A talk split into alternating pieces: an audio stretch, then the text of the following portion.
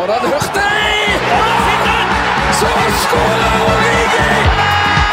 Velkommen til Andalusia! Gutten har blitt en mann! Det blir for mye rør! Det er bullshit. Det er goal! Det er goal igjen! Der var reprisen, sorry. Da er det hens. Hens, hens, hens. Alt er hens. Guro Reite! Det ble tap mot Slovenia, men Norge har det fremdeles i sine egne hender. En enkelt kamp mot Serbia skal nemlig avgjøre alt i det som tirsdag blir den viktigste norske landskampen på lang, lang tid. Igjen. Det ble også alt annet enn en drømmestart for kong Charles, for England er nå på nivå med Kasakhstan og Georgia i fotball. Og på ett parameter er det faktisk kun San Marino som er like dårlig. Og apropos San Marino, vi skal faktisk nevne en kamp som de har spilt. I Sverige er de nå så dårlige at de ser til Norge for inspirasjon. Vår landslagskaptein har skåret for første gang på halvannet år, og vi er halvveis i viktige Champions League-kamper der Brann kan skape historie på svensk jord. Og lurer du på hvorfor den tilsynelatende betydningsløse, kamp betydningsløse kampen mellom Irland og Armenia på Nations League-nivå C fort kan bli helt avgjørende for om Norge kommer til mesterskap igjen, da bør du følge med utover nå, for dette er TV2 Sportens fotballpodkast med Yao Amankwa. Ja, det er så godt å være tilbake igjen i stolen. I dag er vi på nytt rom, men det er fortsatt veldig gode stoler, her, så det er deilig. Det er det, og det er deilig at Espen Ween er med igjen. Ja, det er gullrommet. Ja, gullrommet. Ja, det er gullrommet. Og så er det rett fra Slovenia, Eirik Nesse Gjelvik. Du kommer løpende inn her. Kommer du rett fra flyplassen?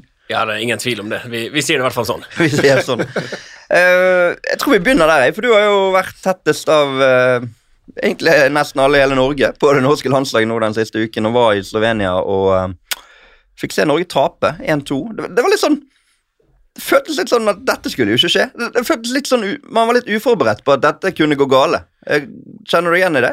Ja, det er vel litt eh, typisk norsk at når man endelig forventer at nå skal det sikres, så roter man det litt til. Og det var kanskje litt den følelsen vi hadde der nede. At du tar ledelsen 1-0 med Braut Haaland, alt er oppskriftsmessig, og så klarer du å rote det til, egentlig, på en kamp som Ståle Solbakken og spillerne føler de tross alt har ganske god kontroll på.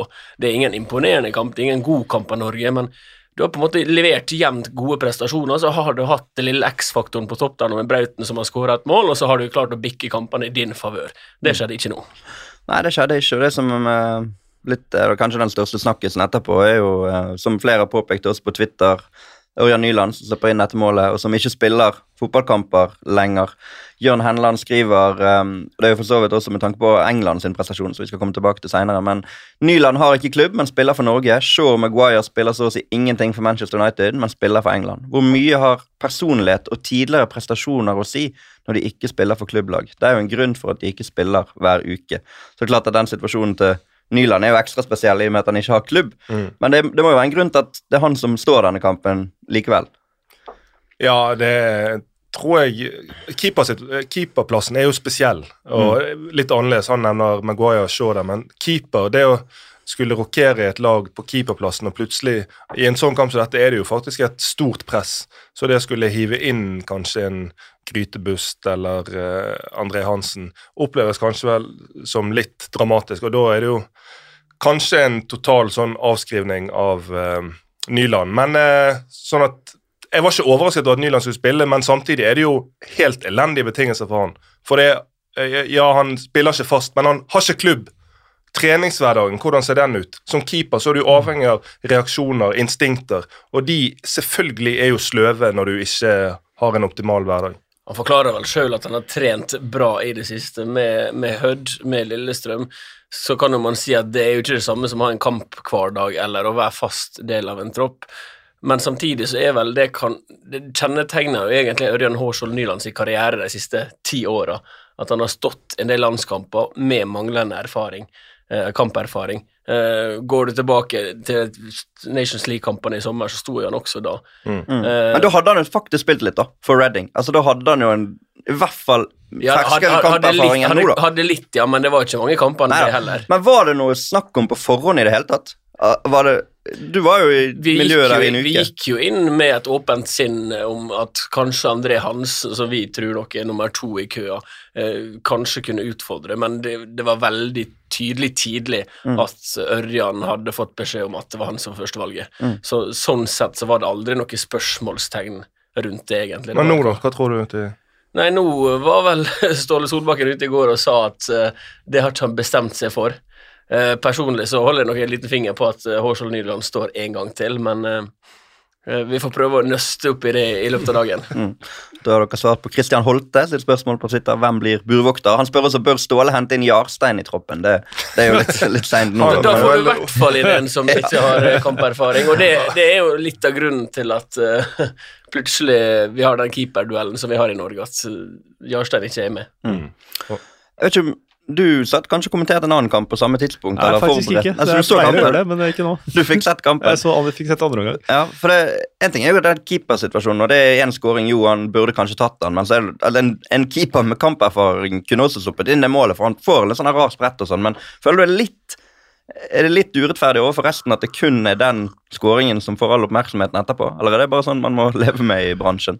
Jeg tenker Det er vel det du må leve med. Det blir jo så tydelig. Og sto jo sånn sammen vår kjære kollega Endre Olav Osnes, og begge vi mente som gamle forsvarsspillere at vi antageligvis kunne ha stått Eller vi, vi mente bestemt at vi hadde stoppa det skuddet, for vi hadde sklidd bort og takla ham bort. Taklet den borte. Ja, så Jeg sier ikke at vi hadde gjort det, men, men eh, vi følte i hvert fall det der og da. Mm. Så ja, nei, det, er, det blir jo sånn når det blir så matchavgjørende. Ja, og så føler jeg det er litt sånn eh, at det blir ekstra Nyland-fokus fordi at Norge sitt landslag har den keeper-kvalik-historikken. Nå er ikke vi en kvalik, men at vi avgjørende kamper har en historikk der keeperne gjør blemmer, og så blir det litt sånn eh, risset opp i nå. Og så eh, Nyland hadde en fantastisk god samling sist, syns jeg, helt til siste involveringen mot Sverige på Ullevål, der han famler ballen i, i mål. og, og, og det, og Når du da skal gå flere måneder uten klubb, og det var det siste du gjorde, og så komme inn til en ny samling Det kan ikke være enkelt for Nyland. Og så er det den posisjonen man faktisk diskuterer før kampstart også, med den opplagte sånn usikkerhetsmomentet. Resten av plassene var egentlig ganske klink, egentlig. Det er jo blitt den ene store snakkisen etterpå. Det andre er jo av alle ting Kjetil Rekdal, som har klart å komme seg inn i overskriften her eh, på, på et vis. Du, kan du forklare litt, Eirik? Hvordan, hvordan blir det sånn som dette? Altså, det er det vanskelig for deg å svare selvfølgelig direkte på, men du har i hvert fall vært på disse pressekonferansene der eh, Ståle Solbakken og Kjetil Rekdal har blitt konfrontert litt mot hverandre. og nå var han i en ekspertrolle, og så er han Rosenborg-trener i tillegg, så det er kanskje litt vanskelig bare, bare den kompleksiteten i det. Ja, Dette der er nok noe som går litt lenger tilbake i tid, men eh, det som får det til å ta fyr igjen eh, den gangen her, er vel et intervju eh, Kjetil Rekdal gjør med ei av Trønderavisen, jeg tror det var Adresse eller Nidaros, der han sier at Markus Henriksen burde vært tatt ut på landslaget. Eh, Så blir jo Ståle Solbakken konfrontert med det her på en pressekonferanse, og der sier han rett ut at eh, ja, men Kjetil Rekdal var jo den siste som visste at Martin Ødegaard var- fant ut at Martin Ødegaard var en god fotballspiller, som igjen spiller tilbake til da han satt i VG-studio og meldte at eh, vi måtte vurdere hvordan vi skulle bruke, bruke Martin Ødegaard, om han var passa inn i det norske laget. Og da sitter jo Rekdal enten på Hamar eller oppe i, i Trøndelag og fyrer seg opp på det. Eh, legger ut en tweet der han Hva det var han skrev, da? Husker dere det? Det var noe med barnslig ja, noe. Eh, manglende modenhet, da. Og så har dette egentlig rett og slett gått fram og tilbake. Og nå fikk jo på en måte Rekdal siste stikk nå da, når han melder at eh, Ørjan Hårskjold Nyland ikke burde stått. Og da er han jo i VGTV-studio, sant? så det er jo litt denne blandingen av roller her også som for Når han snakker om Markus Henriksen, så snakker han jo som Rosenborg-trener, Ja ikke da. som fotballekspert. Ja da, og så sitter han i VG-studio, og så er det nok sånn at eh, Ståle Solbakken og Kjetil Rekdal har et lite horn eh, i sida på hverandre og liker å liksom påpeke det hver sin gang når de får rett. Så det er litt sånn eh, fin fight å, å følge med på fra sidelinja, for å være helt ærlig. Kjetil Rekdal hører hjemme i ordskiftet rundt det som skjer i norsk toppfotball, så vi ønsker jo det velkommen, så lenge det ikke blir sånn ondsinnet mellom de da. Det må man klare å unngå. Det er jo, det er jo folk som har spilt eh, over 30 landskamper sammen og i storhetstiden til Norge, liksom, så man, man tenker at de, de må jo være venner også, og det tror jeg de er. Så kanskje litt sånn stikk der, her og der. Ja, hva var det han sa, så sa i går? Ja, vi var lagkamerater. Eh, det var et eller annet med HamKam, og han likte meg da jeg betalte lønna hans i HamKam. Så det er jo noen fine stikk der, da. Det, det, det lever vi godt med, tenker jeg. Absolutt. Vi skal snakke litt videre om Serbia-kampen som kommer i morgen. Dette er jo mandag når vi spiller inn. Eh, Men før, før vi gjør det, må vi snakke litt om den Serbia-kampen som ble spilt. Mm. Og den hadde vel du, Espen? Den hadde jeg. Eh, Serbia-Sverige. For det ble jo da sånn at så lenge Norge tapte, så kunne ikke Norge gå, eller vinne denne gruppen eh, på kvelden der. For det kunne vi gjort hvis vi hadde gjort jobben sjøl, men det er lov å bli litt skremt av det Serbia leverte likevel. Det er det veldig. Uh, er- 4-1 Det, 4-1. Det er lov å bli skremt av det, og så vil jeg nyansere det litt, fordi uh, de er rufsete bakover, Serbia. Uh, Sverige, et dårlig svensk lag, fikk ganske mange muligheter som de ikke benytta seg av. Så selv om 4-1 ser voldsomt ut, og Mitrovic eh, er kanskje verdens beste hodespiller eh, for øyeblikket i motstanders boks. Mm. så, så, så ser skremmende ut, men ja, som sagt så tror jeg de eh, serbiske forsvarerne gruer seg litt mer til å møte Erling Braut Haaland enn Viktor Jøkeres. Så det, de må nok ta noe hensyn. Og Milinkovic Savic er ute, så de mister en viktig mann. Men Serbia var gode for all del, men, Serbia, men Sverige var eh, Første målet til Sverige var jo fantastisk. Altså De startet liksom Ja, ja. med det og tenkte ok, det er det nivået de skal legge seg på, men, eh, men det var det ikke. Nei, det var ikke det. Uh, Eller så målet til Sverige, da. ikke Men, første. men, men Kulusevski Forsberg de er gode, eh, og så har de ikke så mye drahjelp fra de rundt seg. uh, sånn som det er i svensk landslagsfotball akkurat nå. Eh, så det var et veldig flott mål, men eh, det var egentlig aldri noe tvil om at Serbia kom til å vinne den kampen. I hvert fall ikke når de fikk den goalen på tampen av første omgang.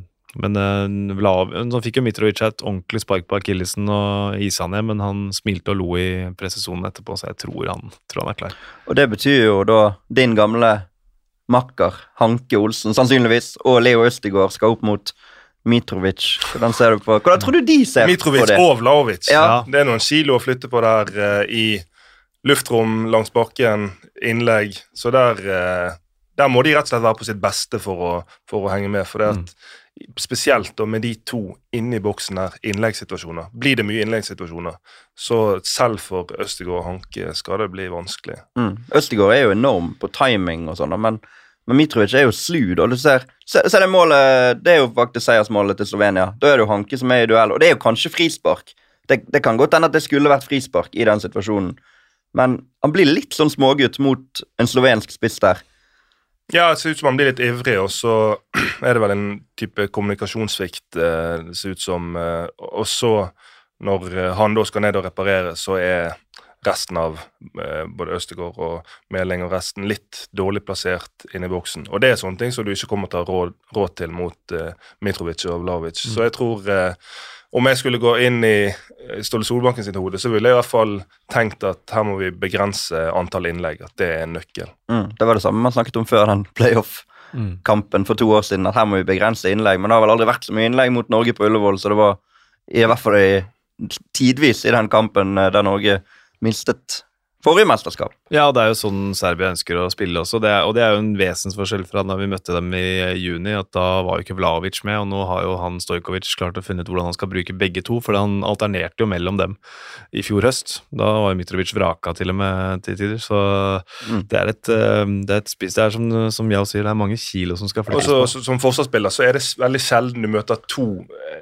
altså så store, så luftsterke, så gode på innlegg, spillere samtidig. Mm. Sånn Vanligvis har du jo én som du er veldig obs på å ta, ut på innleggssituasjoner, og så en som har andre kvaliteter. Mens her kan du gjøre alt riktig med å ta ut den ene, og så plutselig den andre sneker seg inn i et lite rom der han er overlegen i luften. Er det, det er jo ikke så vanlig å spille med, det, med to på topp lenger. Det, det er kanskje det råeste spissparet i europeisk landslagsfotball akkurat nå. Altså sånn som par, da.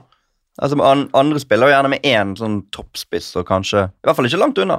Ja, jeg tror Kommer litt an på kampbildet. Si hvis du har et, eh, et lag med vanvittig rask backfirer, sånn at du bare står ekstremt høyt og gjør at disse to svære brandene alltid har litt langt til mål om å ut på mye løp, så er det ikke nødvendigvis at de er, er de sterkeste. Men hvis du da eh, spiller på en måte som gjør at de kommer til mye innlegg, så jeg, eh, jeg er ikke i tvil om at de her er kanskje det aller sterkeste spissparet i de situasjonene.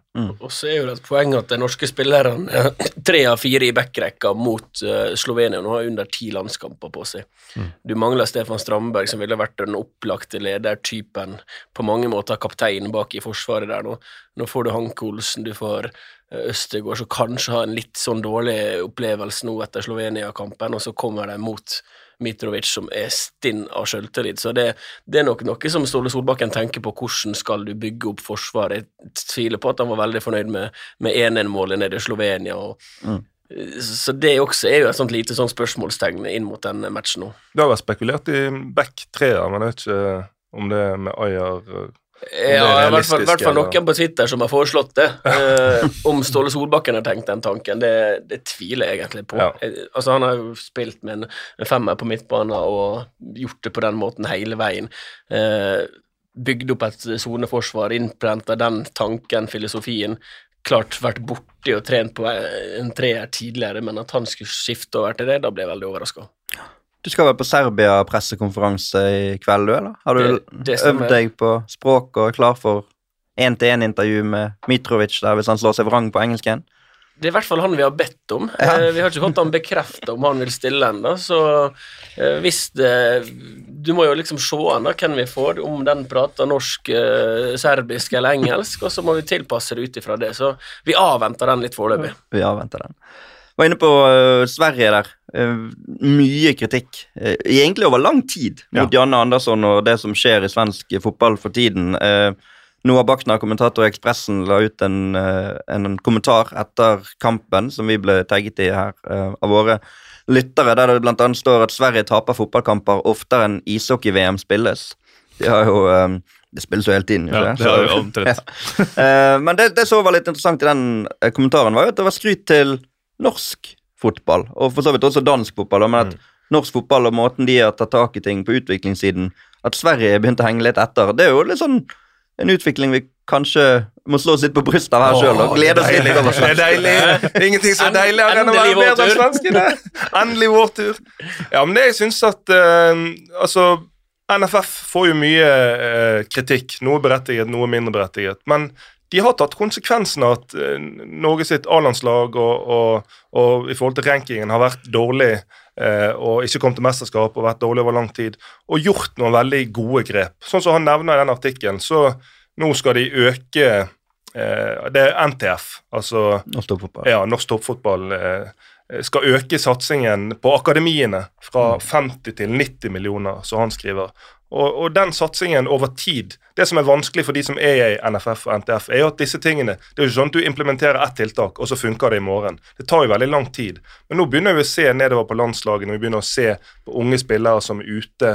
Du kan nevne senest nå halvannen uke siden Antonio Nusa eh, som kommer fra Stabæk Akademi og inn og skårer for Klubb Brygge i Champions League. Altså Du ser veldig det arbeidet som NFF og NTF har gjort over lang tid. Dette er jo sikkert ting som begynte 10-12, kanskje 15 år tilbake i tid.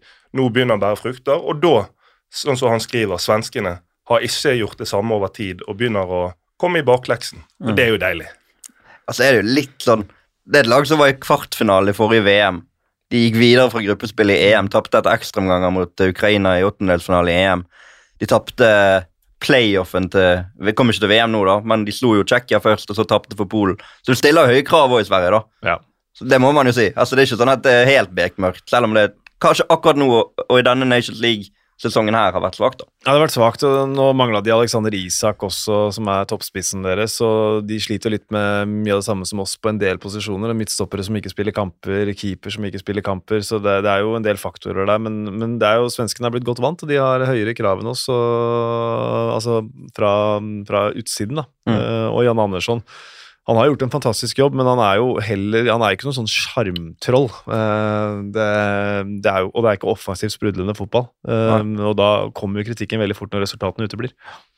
Kanskje det blir Høgmo som overtar. Han er jo en enorm stjerne i Sverige. Ja, nå var det jo en svensk. Var det sportssjefen til Hekken Ja. som lanserte han for Real Madrid? Han, han, han, sa, han, han, han sa at han kunne tre Real Madrid, for han var så faglig dyktig. Det var vel det han sa. Ja, okay. Men det er ikke langt ifra en lansering, det. Neida. Så Ancelotti, watch out. Per, per Ja, men- Messias eh, lusker i gangene på Hvis han Bernabeu. vinner Allsvenskan nå, med Hekken, og Janne Andersson ryker, så kommer han til å være en av de aktuelle. Han har landslagserfaring.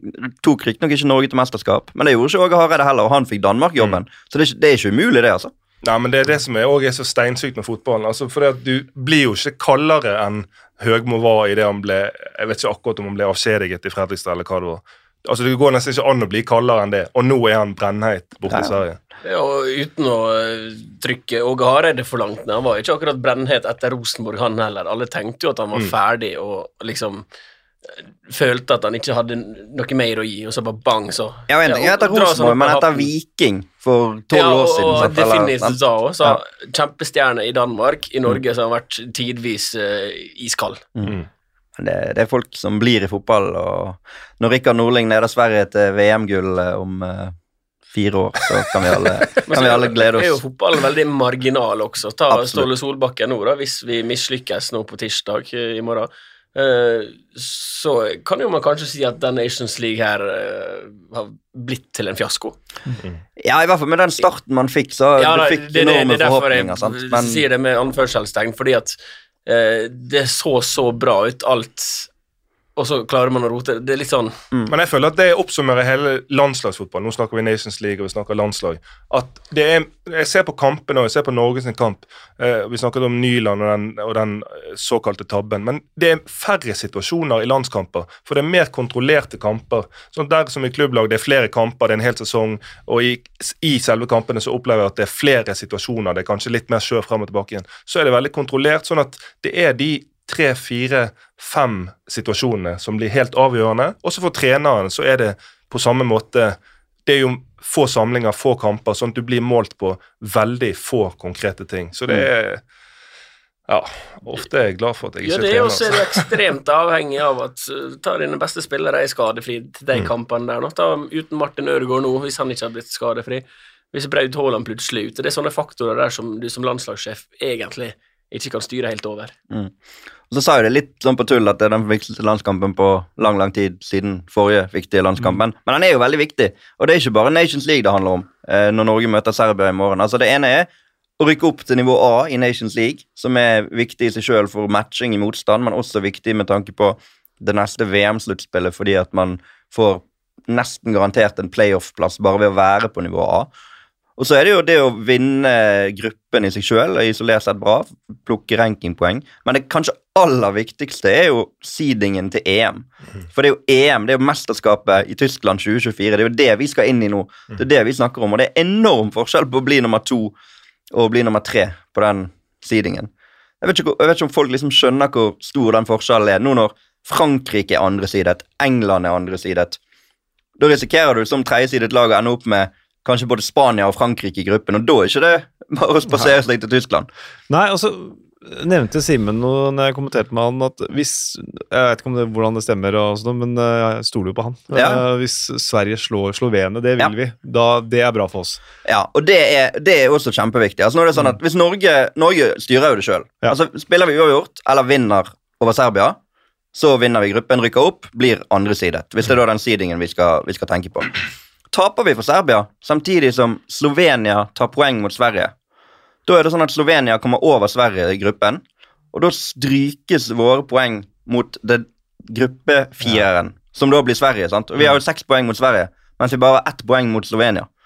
Så hvis Slovenia kommer over Sverige i gruppen, da er det dumt for Norge med tanke på denne eh, seedingen. Og det, grunnen til at de poengene strykes, er jo Putins eh, krig mot Ukraina, som gjør at Russland er kastet ut, som gjør at det bare er tre lag i den ene gruppen, og dermed må resultatene mot lavest rangerte motstander strykes. Og så er det jo sånn at hvis Norge taper mot Serbia samtidig som Sverige slår Slovenia, da blir vi nummer to i gruppen, men da blir vi beste toer. Og beste toer blir også andresidet. Gitt at ikke, som jeg nevnte i introen Ja, alle hang med nå, eller?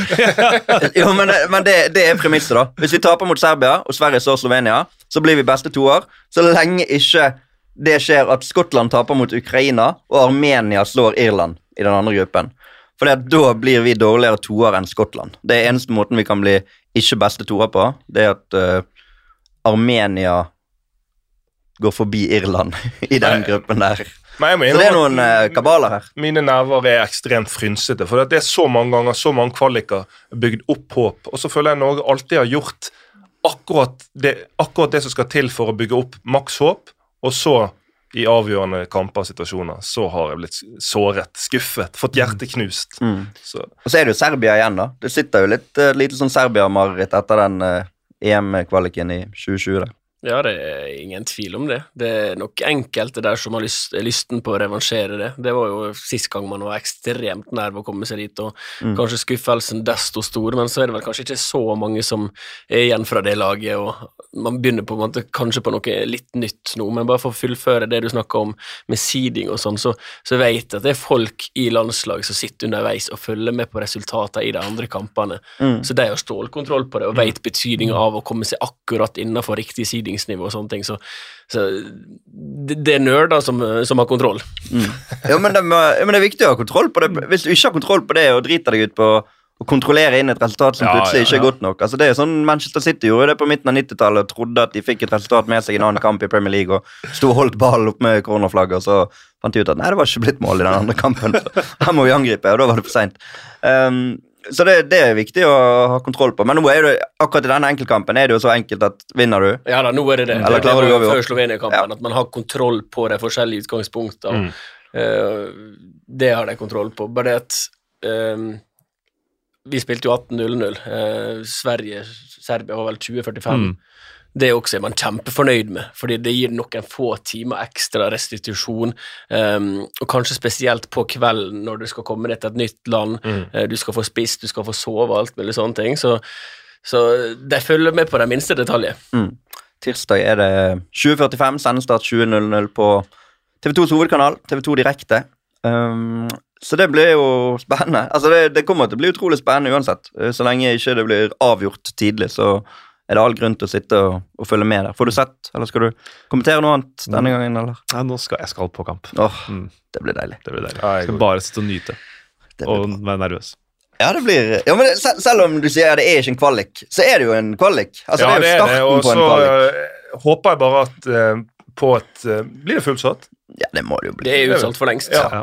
Ja. På et utsolgt Ullevål så håper jeg at Norge kan ta litt mer initiativ fra start enn det de klarte mot Slovenia. og I alt fra fris, frispillingsfasen kanskje, kanskje tørre å spille på litt mer risiko, håper jeg å kunne se. Og så selvfølgelig, selv om jeg vet det er mye som står på spill, og så klare å involvere disse S-ene i enda større grad.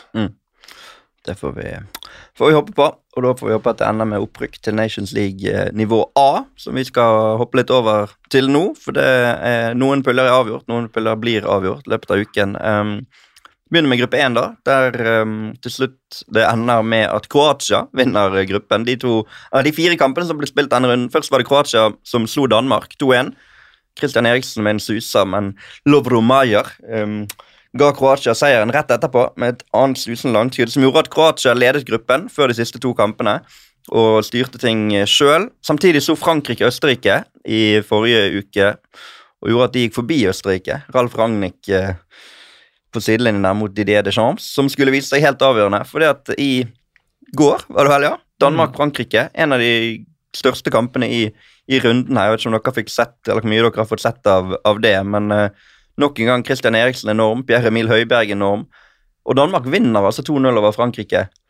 Det blir ikke nok til å vinne gruppen, men det er to måneder til de skal møte Frankrike i sin åpningskamp i VM, så hva tror du om Danmark i, i VM? De imponerte jo stort i EM. Ja, jeg, tror, jeg har troen på dem. Jeg syns at eh, hvis du ser hele Europa eh, Ikke nødvendigvis på spiller, men se på dette kollektive styrken og den Måten de opptrer, måten de spiller som lag. De er fasit i lagspill, syns jeg, i Danmark. Og så har de jo veldig mange spillere som spiller fast på et veldig høyt nivå. Eh, nesten misunnelsesverdig. Og, og sånn at du ser i avgjørende situasjoner, avgjørende faser av kamper, så har de spillere som måtte ha den rutinen. Du snakket om at vi har noen spillere som ikke har ennå nådd ti landskamper i nøkkelposisjoner, mens de har spillere som har spilt Champions League-finaler, spilt egentlig det som er å spille på, i klubbene sine. Og det kommer veldig tydelig til uttrykk. Og så har de noen sånne, altså Eriksen og Høiberg, som du nevner der på midten, som setter tempoet og, og dikterer veldig mye. Vi kan jo snakke om at uh, vi har passert svenskene og vel så det, men opp til Danmark så er det jo ganske langt ennå. Mm. Ja, det er Altså, det. det- det, er, det- såpass ærlig må vi være. Og det også er jo hva, hva kan vi lære av det? Hva, hva grep kan vi ta for å nærme oss deg? Og det er jo en veldig spennende diskusjon. Mm. Ja, Viktor Hallnes spør om det på, på Twitter. Hvor langt unna er Norge kontra Danmark? Hva må gjøres for at vi kan være på nivå til danskene? Vinner mot store nasjoner i parken, mesterskapsdeltakelse og sportslig fremgang relativt ofte. Det er jo akkurat det vi er inne på her. Jeg tror det er godt Ståle Solbakken ikke er, for han hadde skutt inn gress, kunstgress.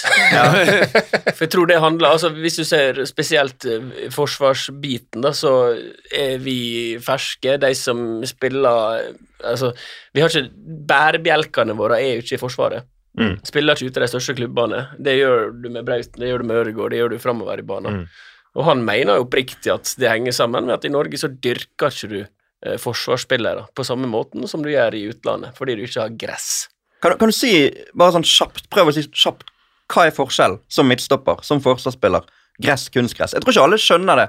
Altså Det er mange som sitter og ser fotball som aldri har spilt Mm. på noe annet enn kunstgress, eksempel. Eller kanskje aldri spilt fotball i det hele tatt, men bare sett det på TV. Nei, jeg kan si ut ifra mitt ståsted som tidligere stopper, er at på kunstgress så går det såpass fort at eh, du som stopper veldig sjelden rekker å komme helt opp i spillerne. På samme måte som du gjør altså på, Mens på gress så er det en litt annen hva du si, flyt på ballen og, og litt andre krav som stilles til eh, håndtering av ballen. sånn at Du rekker kanskje å sette inn den taklingen. du rekker og, Og så det, krever det et annet fotarbeid. sånn som Når du ser Glimt spille mot disse europeiske lagene på Aspmyra, så ser du at de må nesten trippe for å skifte retning. For det er et annet underlag. Du får ikke den samme type feste.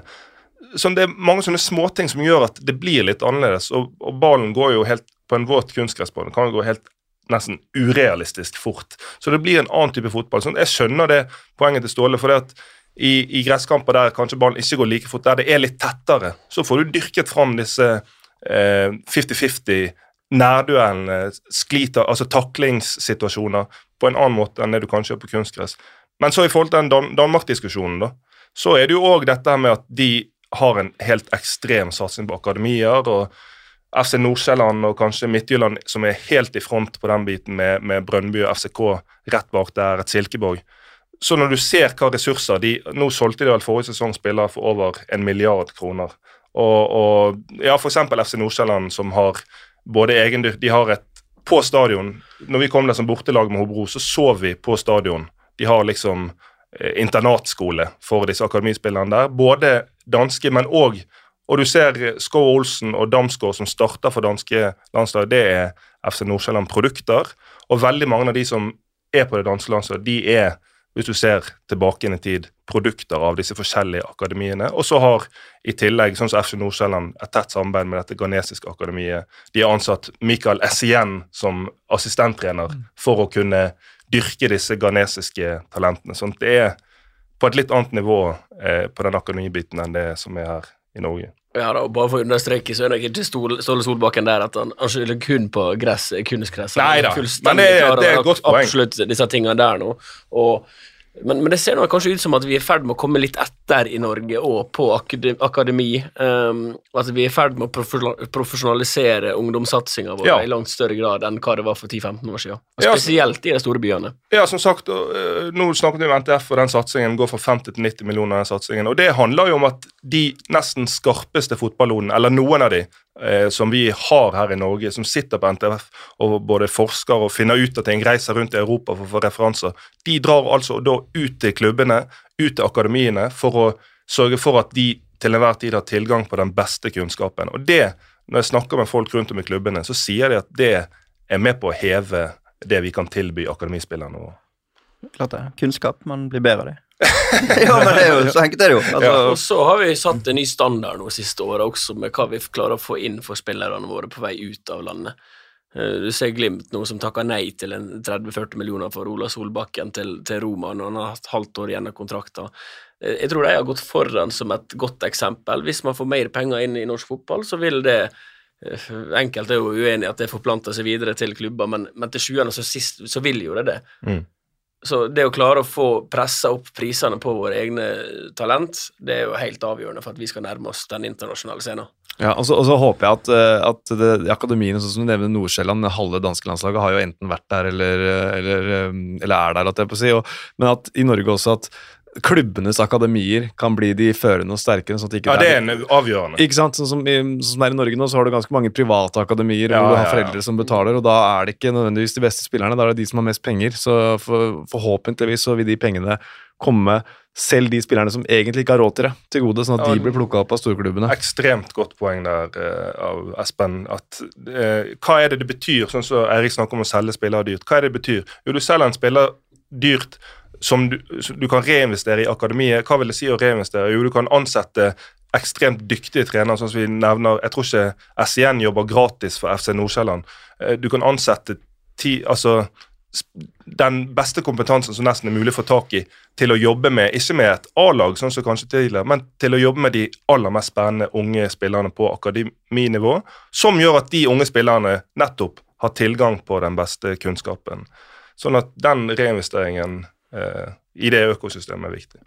Absolutt. Og um, da kan vi kanskje bli like gode som uh, Frankrike på sikt. Som taper for Danmark. De rykker ikke ned. De reddes av at Kroatia slår Østerrike, så de unngår nedrykk. Men Frankrike virker nesten ikke som at de har brydd seg veldig om Nations League. Og det tror jeg kanskje er helt reelt, da. I hvert fall i den sesongen som har vært nå, med den tighte kalenderen. Både de kampene som var i juni, og de kampene som kommer nå. At det ligger en litt sånn underbevisst, kanskje til og med bevisst holdning hos spillerne at dette er nesten en friuke. Ja, men det tror Jo, jeg men jeg husker ja. forrige, jeg husker for forrige Nation League, liksom. Det var ikke da Mbappé haltet av med en litt sånn diffus kne-lår Jo, og Kevin De Bruyne sa vel egentlig rett ut at for å være helt ærlig så gleder jeg meg egentlig ikke til disse her. Det er bortkasta treningskamper. Mm, og det er jo det for de beste lagene. For For de det. Nettopp, for de er uansett Kvaliken betyr- ja, de er jo ikke uansett kvalifisert, men det, er jo noe helt annet for Norge som, som ser på dette her som en mulighet. Og så tror jeg man har skapt et miljø på det norske landslaget der man har lyst til å være med. Jeg tror det er ingen som ikke gleder seg til en landslagssamling her nå. Nei, også når de i tillegg har fått med seg publikum, sånn at du får muligheten til å spille for et fullsatt, istedenfor å spille Ja. en kald høstdag for et glissent Ullevål. Det å få spille for et fullsatt eh, Ullevål, eh, uansett hva som står på spill. Nå står det mye på spill, men uansett er det jo ingenting som er bedre. mens Frankrike da taper for Danmark med reddes av Østerrike. Frankrike og Kroatia. Gull- og sølvvinneren fra forrige VM. Kroatia mye bedre enn Frankrike akkurat nå. Hvem tror du gjør det best av de i VM, når det teller? Eh, Si Kroatia. Nei, jeg tror Frankrike. Eh, Jeg synes Kroatia det, Jeg er overraska over at Kroatia vant den gruppa. Da jeg kommenterte de laga der litt i juni. Da syns jeg Kroatia så ganske iskald ut, og Danmark var eh, klar favoritt i gruppa. Så vant jo selvfølgelig Kroatia i parken. Mm. Da var det snudd på huet, men jeg, nei, jeg, eh, klarer liksom jeg, tror Frankrike kommer til å gjøre det bedre enn Kroatia. Men når vi snakker om land å se opp til, så bør jo forbundet og alt, NTF sende folk på studietur til Kroatia. Ja. Fire millioner innbyggere.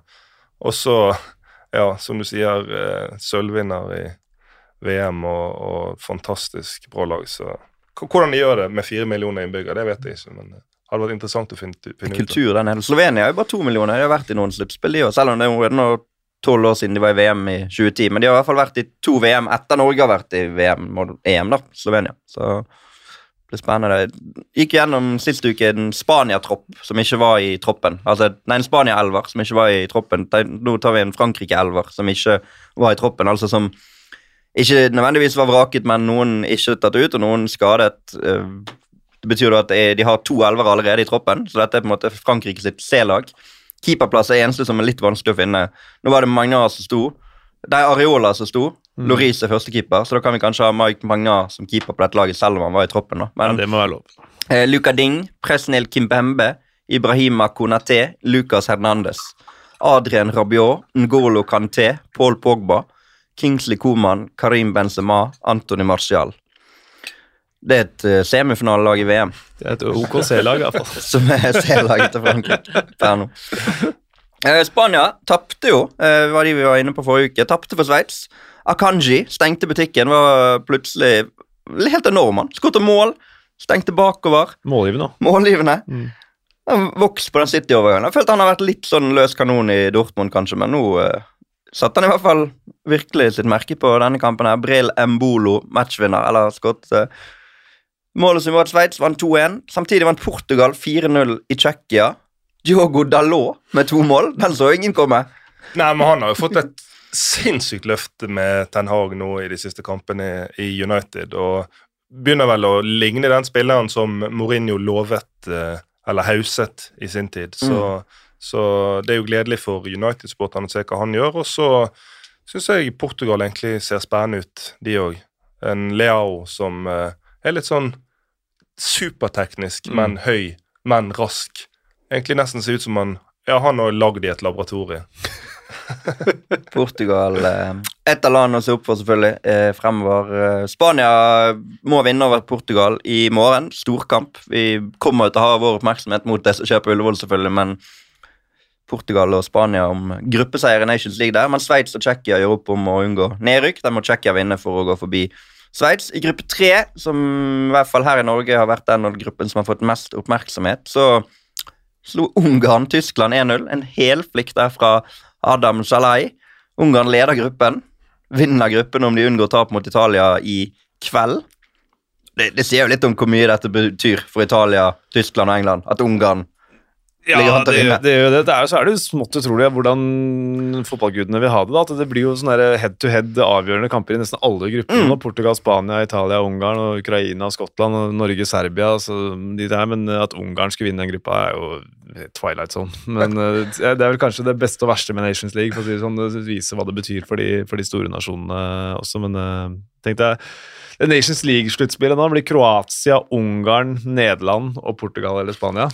Det, Mm. De skal gjøre, om på, gjøre opp om pokalen. Og så tror jeg det er viktig å huske at konsekvensen er jo at man øh, Eller alternativet er jo at man ville spilt treningskamper.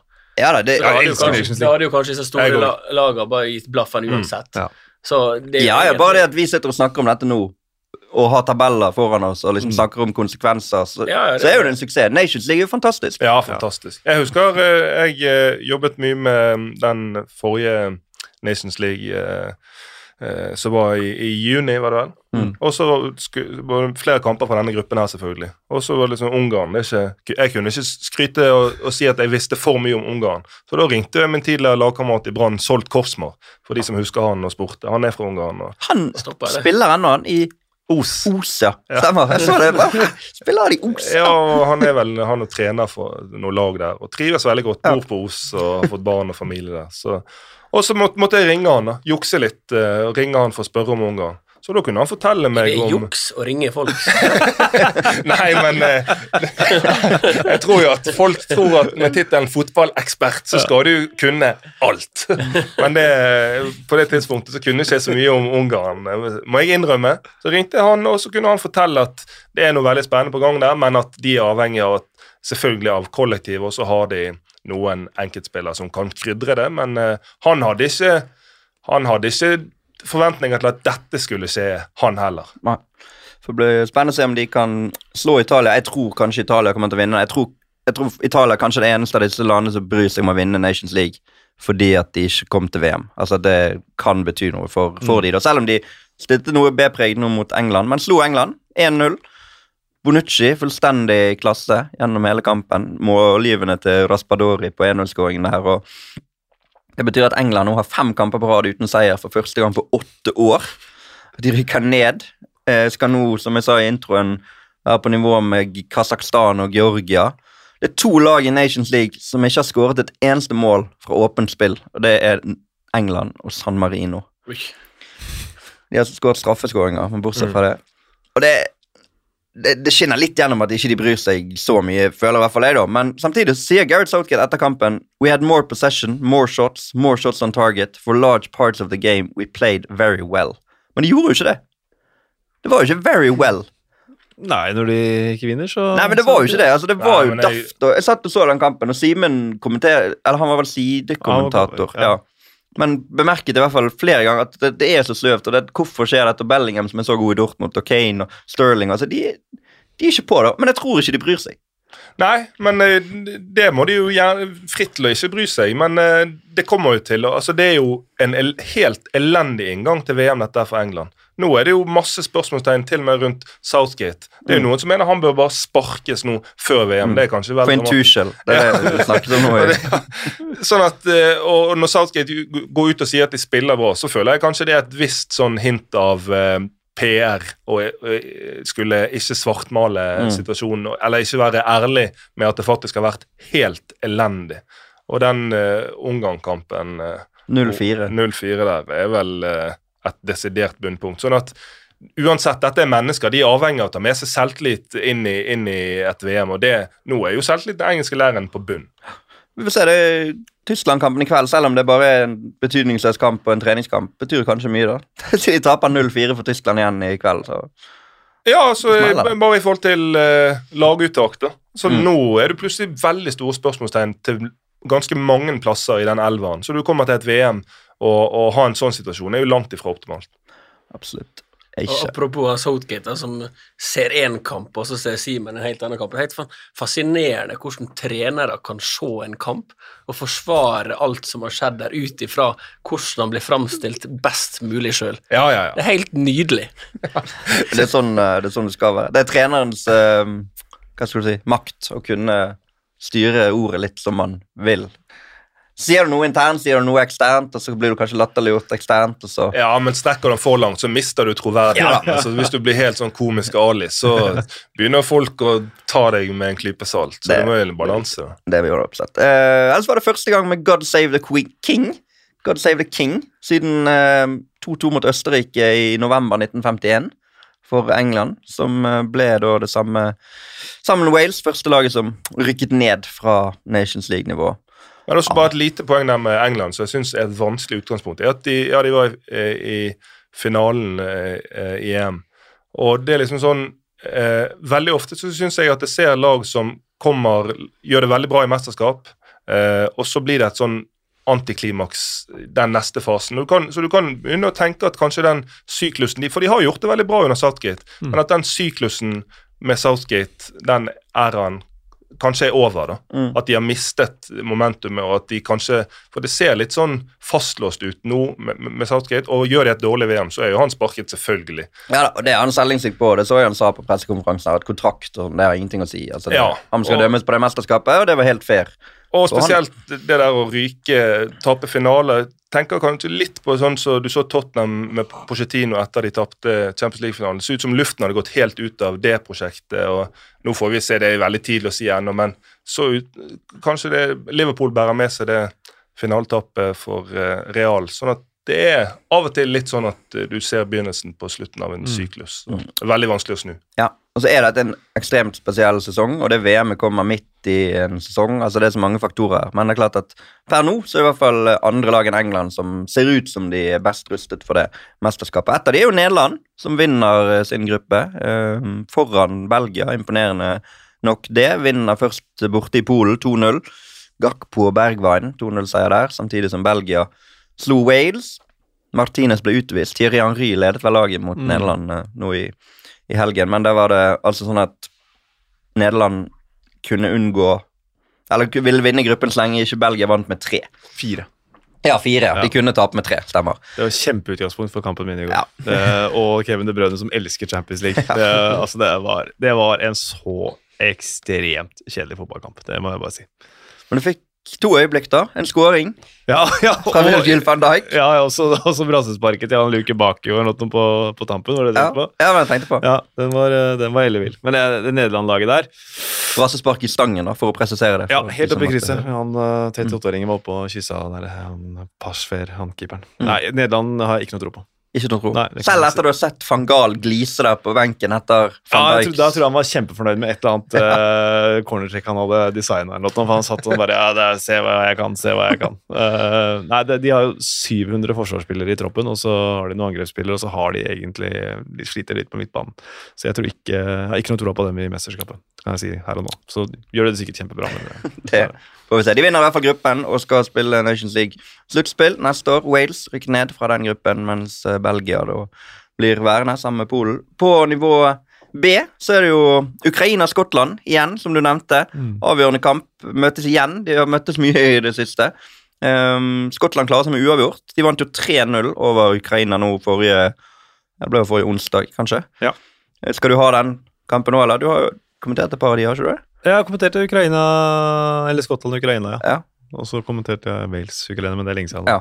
Nei, men jeg husker det de da når VM-drømmen brast der. Da, først, ja. først levde, og så Ja, Det var vel også grunnen til at Wales rykka ned fra Nations League. Jeg tror de var mest opptatt av den VM-plassen, gitt. Eh, Og den sikra de. Nei, uh, Skottland var gode i andre omgang mot Ukraina. Nå skal de spille i Polen, tror jeg. I uh, Varsja Kra I Krakow. I Krakow. Eh, åpen kamp. Åpen kamp. Og som vi sa tidligere, hvis Skottland taper den kampen, samtidig som Armenia slår Irland, så blir Skottland bedre gruppetoer enn Norge hvis Norge taper sin Det kan kamp. Så det kan skje. Det er ikke de helt utenkelige utfall, nei, nei. eh, de to der. Selv om Armenia har ikke vunnet veldig mye kamper i det siste. Men eh, vi får se. Det kan skje. Eh, andre kamper på nivå B. Israel rykket opp. Skottland og Israel. Norge i miksen. Mm. Serbia, Norge nå. Det er litt de samme lagene som Ja. var der sist eh, det var playoff. Men Israel nå altså opp på nivå A. Island blir værende på nivå B. Bosnia rykker opp eh, etter 1-0 mot Montenegro. Og Tyrkia rykker opp etter en ganske syk måte å rykke opp på. Altså, Tyrkia gikk inn i denne landslagsuken uten å være klar for nivå eh, B. Unnskyld, nå er jeg på nivå C. Ja. Hoppet til nivå C der. Spiller 3-3 mot Luxembourg og taper mot Færøyene. og det er nok til å rykke opp. Og bare det at de var på nivå C, er vel ganske sykt. Ja, altså det er jo litt eh, de tingene vi får med Nations League, da. For Ja. er du Du kan være ganske bra og likevel rykke ned fra nivå B. Altså Mm. sånn, Fordi at du kan være uheldig med gruppen og sånn der, sant. Så plutselig er det en kanon på nivå C og et dårlig lag på Ja. nivå A. Altså Israel og Skottland er jo ikke England og Frankrike, men noen må opp og ned. sant? Men at det har blitt litt spenning rundt at de har gått på noen blemmer der på nivå C mot disse lagene, hadde jo i hvert fall jeg aldri forventet. Nei da, og Færøyene har jo og Luxembourg selvfølgelig har gjort det over all forventning, men kanskje først og fremst Færøyene, da, som har åtte poeng. Og Færøyene som vinner en kamp. Vi fikk jo en eh, kommentar fra det Kevin Madsen som forrige uke spurte om færøysk klubbfotball og hva vi tenker om det ble avgjort. Han skriver jo med litt sånn glimt i øyet og dette skal selvsagt ikke bli en podkast om færøysk fotball, men Færøyene slo altså Tyrkia 2-1. Drøs gjerne litt om hvor stort dette må være for en så liten nasjon. Og kanskje hvor pinlig det er for Tyrkia, som riktignok ikke stilte sin beste elver. Nå sikret jo Tyrkia plassen med 3-3 mot Luxembourg, da, men Færøyene Det er jo enormt for de da. Altså, ja, ja. det er ikke mange sånne skalper de har i sin Altså, mitt, mitt eneste forhold til færøysk fotball er jo den, de koronaukene. Ja. Når eh, TV 2 gikk hardt inn på færøysk fotball. Mm. men eh, men det, det er jo sånn eh, Jeg er litt usikker på hvil, til og med hvilke klubber de spillerne på det færøyske landslaget spiller i. Men at det å skulle slå en stor nasjon som Tyrkia må jo nesten være helt eh, uvirkelig. Ja, altså Det er jo denne Østerrike-seieren fra lenge siden med han med luen som de snakker om. Og så hadde jo de en skalp mot Hellas. De slo vel de både hjemme og borte. Don Ranieri fikk sparken som Hellas-trener. Men bortsett fra det så har jo ikke de de skalpene der. Men de har tatt gradvis steg hele veien. Norge har jo møtt de, var ikke sånn Var du med Da var ikke det var rett før du var med, kanskje? til Det var, jeg var ikke var på kunstgress der borte. Ja. Det der uh, Joshua King ikke spilte, blant annet. På Ja, kunstgress. Stemmer. Og det var jo kunstgress nå òg, men uh, de har tatt litt sånn gradvis steg hele veien. Rogby Balvinson i Bryne jo Han var ikke med nå, da, men han er jo fremdeles i miksen der, tror jeg. Så kjekt at Færøyene leverer bra, i hvert fall. Men Tyrkia rykker opp fra gruppe 1. Hellas rykker opp fra gruppe 2. Kasakhstan rykker opp fra gruppe 3. Slår eh, ja, Belarus, heter det vel nå, eh, Belarus, ja. på torsdag der. 2-1. Første laget som rykket opp, var Kasakhstan, og så tapte de for Aserbajdsjan igjen etterpå, så de kom ned inn på jorden der. Og så Georgia, da. Som, de har jo en, eh, en stjerne eh, etter hvert. Georgia som Kvaradona? Ja, Kvaradonna, som egentlig heter er Kvaradona for meg. Ja. Fra Napoli, da. Ja. Eh, Derav kallenavnet. Uh, første liksom sånn superstjernen kanskje siden King Kladses dager. Eller kan i hvert fall bli det, da, hvis han opprettholder det nivået han er på nå. Georgia slo nå Makedonia 2-0. Og det betyr jo at et av ditt lagene skal til enten Georgia eller Kasakhstan. Får jo en playoff. Eller de får jo en playoff mot da Hellas og Tyrkia. Litt avhengig av hvem, hvordan de pares mot hverandre. Nivå D er jo det minst interessante sånn sett, all den tid det skal mye til at de kommer seg noen som helst vei, men Estland og Latvia rykket i hvert fall opp der. Litauen rykket ned, eller så i hvert fall ligger an til å rykke ned. så Ja, for de, de får ikke noe playoff-plass. Ikke denne gang. Nei, nei, Det er kun tre, omstrukturering. det kun tre playoff-plasser til EM eh, denne Ja. gang. For det er jo Tyskland går inn, og så er det tre playoff-plasser, og så er det 20. Så um, San Marino Estland, siste kamp på nivå D mandag kveld. Og jeg nevnte at vi skal snakke om en San Marino-kamp. For det er Einar Tørnquist på Twitter ga jo oss gratis reklame for en TV 2-kamp, der han eh, forut for treningskampen mellom San Marino og Seychellene var ute og skrev at minner om denne, som starter om en halvtime, sannsynligvis den dårligste landskampen som sendes på norsk TV dette tiåret. Av de 211 lagene på Fifa-rankingen er dette nummer 198 og 211. Så jeg vet ikke om det bidrar til at noen, noen flere så den kampen på TV2 Play enn det som hadde gjort hvis ikke han var ute med det. Han så han kanskje sjøl, han skrev i hvert fall etterpå. Og for en kamp vi fikk i San Marino i kveld. Lavt tempo, uendelig med feilpasninger, dødballer rett i enmannsmur, upressa fomling av ball ut til innkast midt på banen, og naturligvis 0-0. Men jeg føler det er en sånn perfekt kamp som du kan bruke til å skåre 1000 hipsterpoeng. Ja, ja. Fotball-hipsterpoeng. Sånn at Å ja, du så ikke San Marino Seychellene? Ja ja. Nei, men du følger ikke med. Jeg føler kanskje dette der bikker over til at uh, det blir for, for drøyt igjen til at uh, du, du, du ser dem litt sånn på kødd. Ja, men òg så du kan si at eh, Nei, jeg Altså, Jeg tror det er noen som kunne tenkt seg å skryte av det. Hva gjorde du uh, kvelden? Nei, jeg satt og så San Marino Seychellene, men det er jo bare meg, da. Ja, jeg er så propaganda. Som, Ja. som småbarnsfar så kan du ikke Eller småbarnsmor. Det går ikke. Ja, Da tror jeg du blir fort skilt. Ja. Ja, det tror jeg. Ja, du, jeg prioriterte Hvorfor ble det slutt mellom Nei, han prioriterte San Marinos og Seychellene der på bryllupsdagen vår. Så. Ja, det var litt Uh, Vi skal hoppe litt over til kvinnesiden uh, når vi nærmer oss slutten her nå. Uh, dere har jo vært veldig opptatt med Nations League hele gjengen, så jeg antar at dere ikke har full oversikt, men vi kan dra gjennom Champions League-runden som var, fordi uh, første av to kamper er spilt. Brann uh, som er Norges mest realistiske lag inn. Møtte svenske Rosengård-mesteren der. 1-1. Svavaros Gudmundsdottir med en suser der. Det var ganske gøy kommentering. Det, det så jeg ikke, men det var Bøyum og Pamar som kommenterte, og så sier han sånn Ja, det beste som har skjedd Beste som har kommet fra Island siden Birker Mars Everson. Ja, ja. Og så går det liksom tid, og jeg husker ikke hvem av de sa hva, da, men så, jeg trodde du skulle si at det var det beste siden Snorre Sturlason. sånn. liksom den form for humor de satt og ruget på der i Og De meldte vel at det var eh, flotteste målet som skåra på Brann stadion i år òg. Mm, ja da, og det var det. Det var en vanvittig Kanonkule. fin skåring. Det var en kanonkule. Og fremdeles da realistisk med avansement, selv om de fikk et 1-1-mål i trynet på slutten der. Men de reiser til Sverige på onsdag og har sjanse. Og det å få et norsk lag inn i Champions League i et gruppespill altså LSK de har vært lag der før, men da har formatet vært litt annerledes. Det er viktig.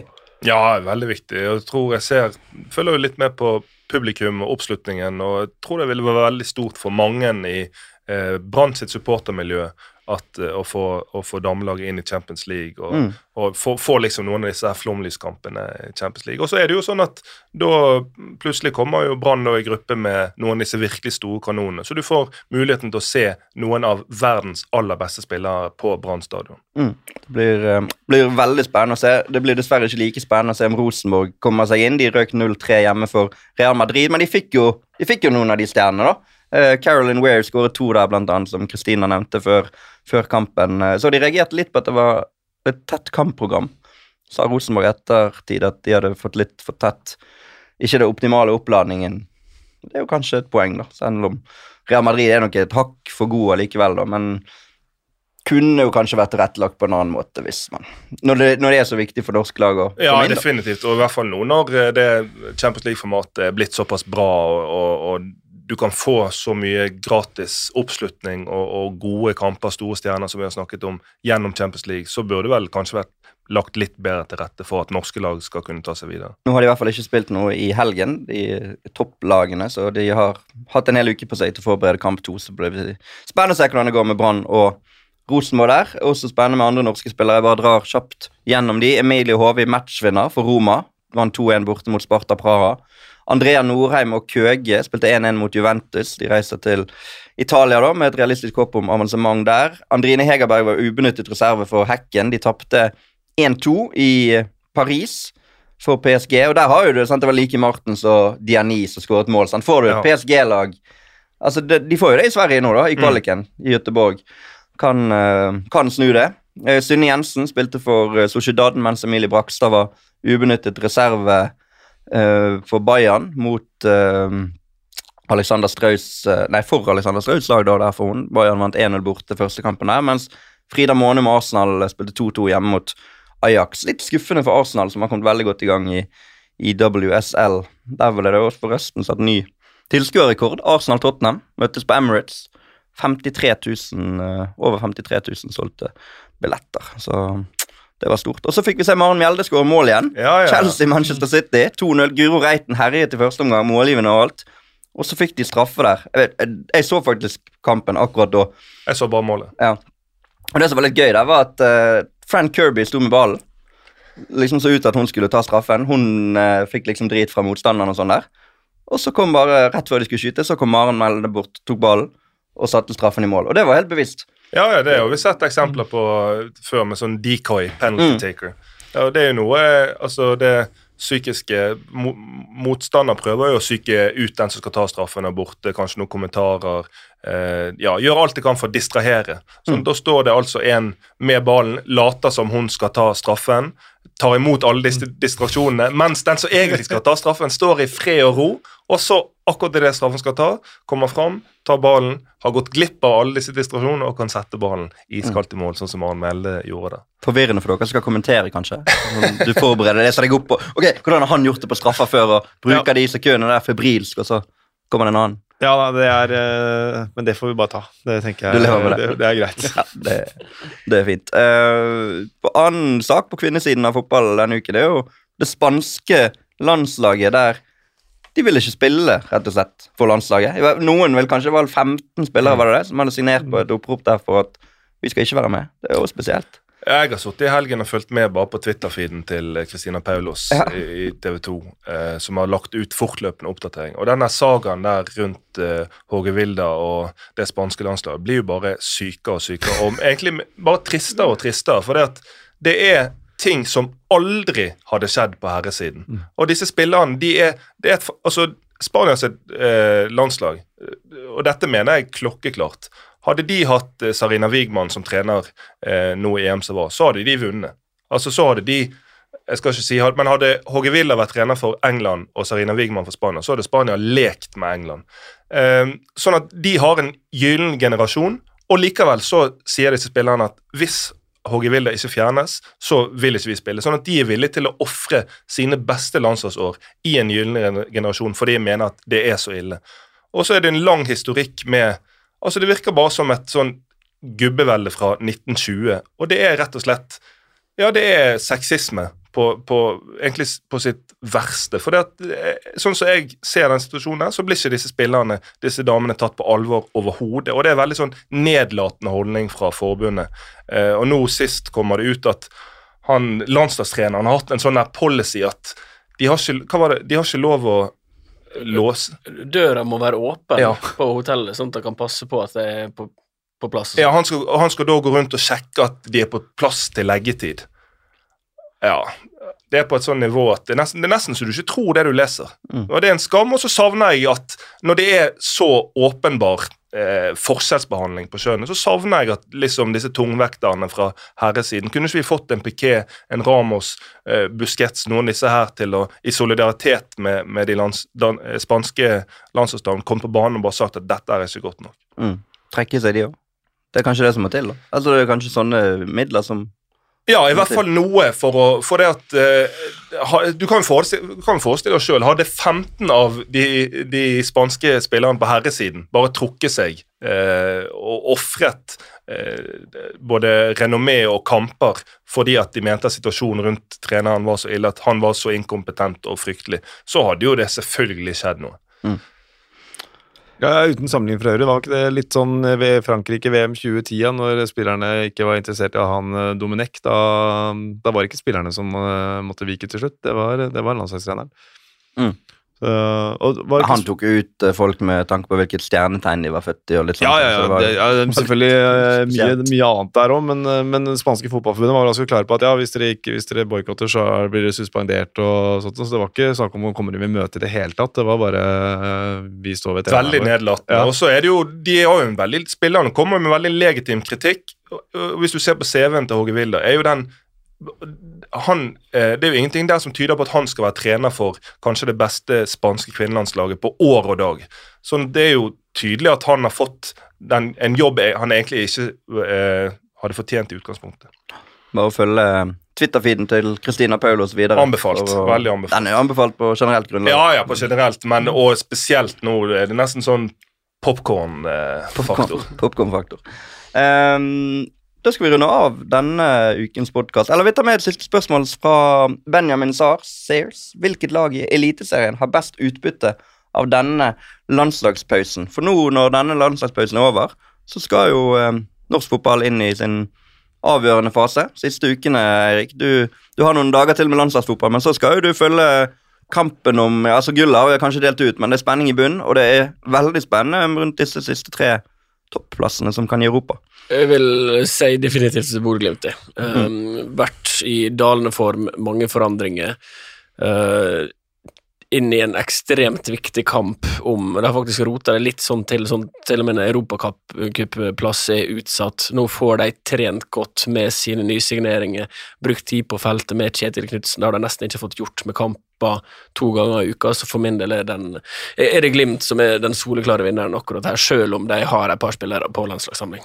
Så er det jo Lillestrøm-Bodø-Glimt allerede på lørdag klokken seks Mm. på TV2 Play. hvis du har det. Så Lillestrøm var jo litt i samme situasjon, da. selv om de riktignok eh, vant en kamp der. Så har de vel bare vunnet en av de siste fire. Så et lite avbrekk for de òg vel har vel vært greit, kanskje. Ja, det tror jeg er gull verdt, eh, men jeg er helt enig med Erik at for Glimt sin del så eh, kommer denne pausen her ekstremt kjærkomment, og så kanskje hive på bak Glimt der hvem er det som får mest ut av denne pausen, at kanskje Viking kan eh, få, få snudd det og sett helt horribel ut egentlig ganske lenge nå, så de har forhåpentligvis for sin del brukt pausen godt. Og så er vi jo spente på om denne drømmen til Kristiansund kan materialisere seg i løpet av de neste ukene. Nå har de eh, tapte den siste kampen før pausen, men vant de tre før det. Møter Rosenborg. Kveldskamp igjen. Nå er det vel sånn at kveldskampene flyttes en time, ikke det? Nå skal de spille klokken syv i stedet for klokken åtte. Så det er også en sånn TV2 Play-godbit der søndag kveld. Kristiansund-Rosenborg, Espen. Du, Mm. du skal ikke kommentere disse kampene helt ennå. Neste år Neste får vi deg ved spaken igjen der. Det blir, eh, det blir veldig gøy. det er, vi snakket om det forrige gang jeg var her. Jeg husker ikke om to uker siden. Det ville vært det greatest of great eh, escapes hvis eh, Kristiansund klarer det. Så selv om jeg ikke har noe hjerte i Kristiansund, så må jeg innrømme at det hadde vært jæskla gøy, altså. Hvis de, eh, hvis de klarte det. Det handler det absolutt. Vi, eh, vi runder av der. Neste uke så blir det ikke noe podkast. Vi skal ha litt ferie. Høstferie. Noen skal til Ghana. Det er ikke deg, Eirik. Det blir gøy. Det blir gøy. Jeg, skal, jeg har ikke vært der nå på ni år, og jeg har jo veldig mye familie her nede. Så jeg skal rett og slett ned, og så skal jeg, så i tillegg til å treffe familien, så skal jeg begynne også å lodde litt VM-stemning.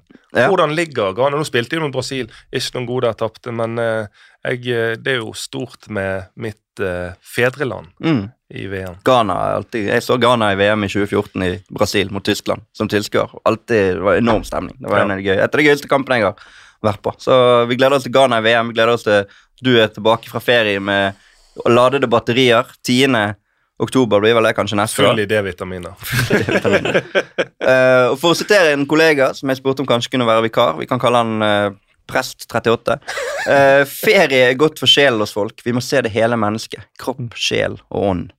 Så eh, det blir ikke noe podkast neste uke. Hvis ikke noen der ute lager en hel podkast og sender den til oss, oppsummerer runden Hvis dere gjør det neste mandag, skal vi si det? Kan, vi, kan de få det utstillingsvinduet? Så lenge de oppfører seg fint og har en fin podkast, så er det en mulighet. Det kan være en konkurranse.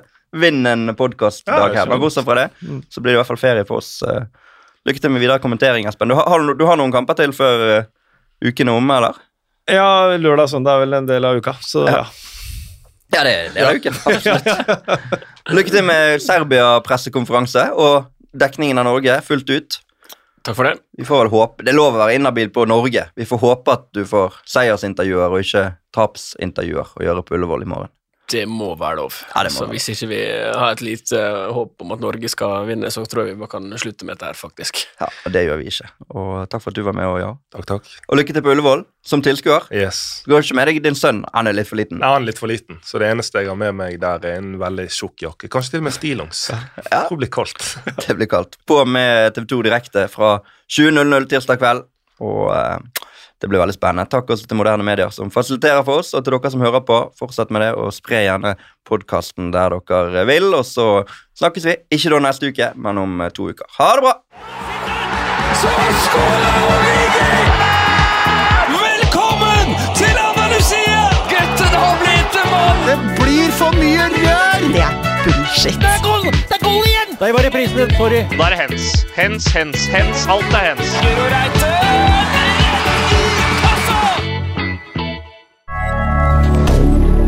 moderne media.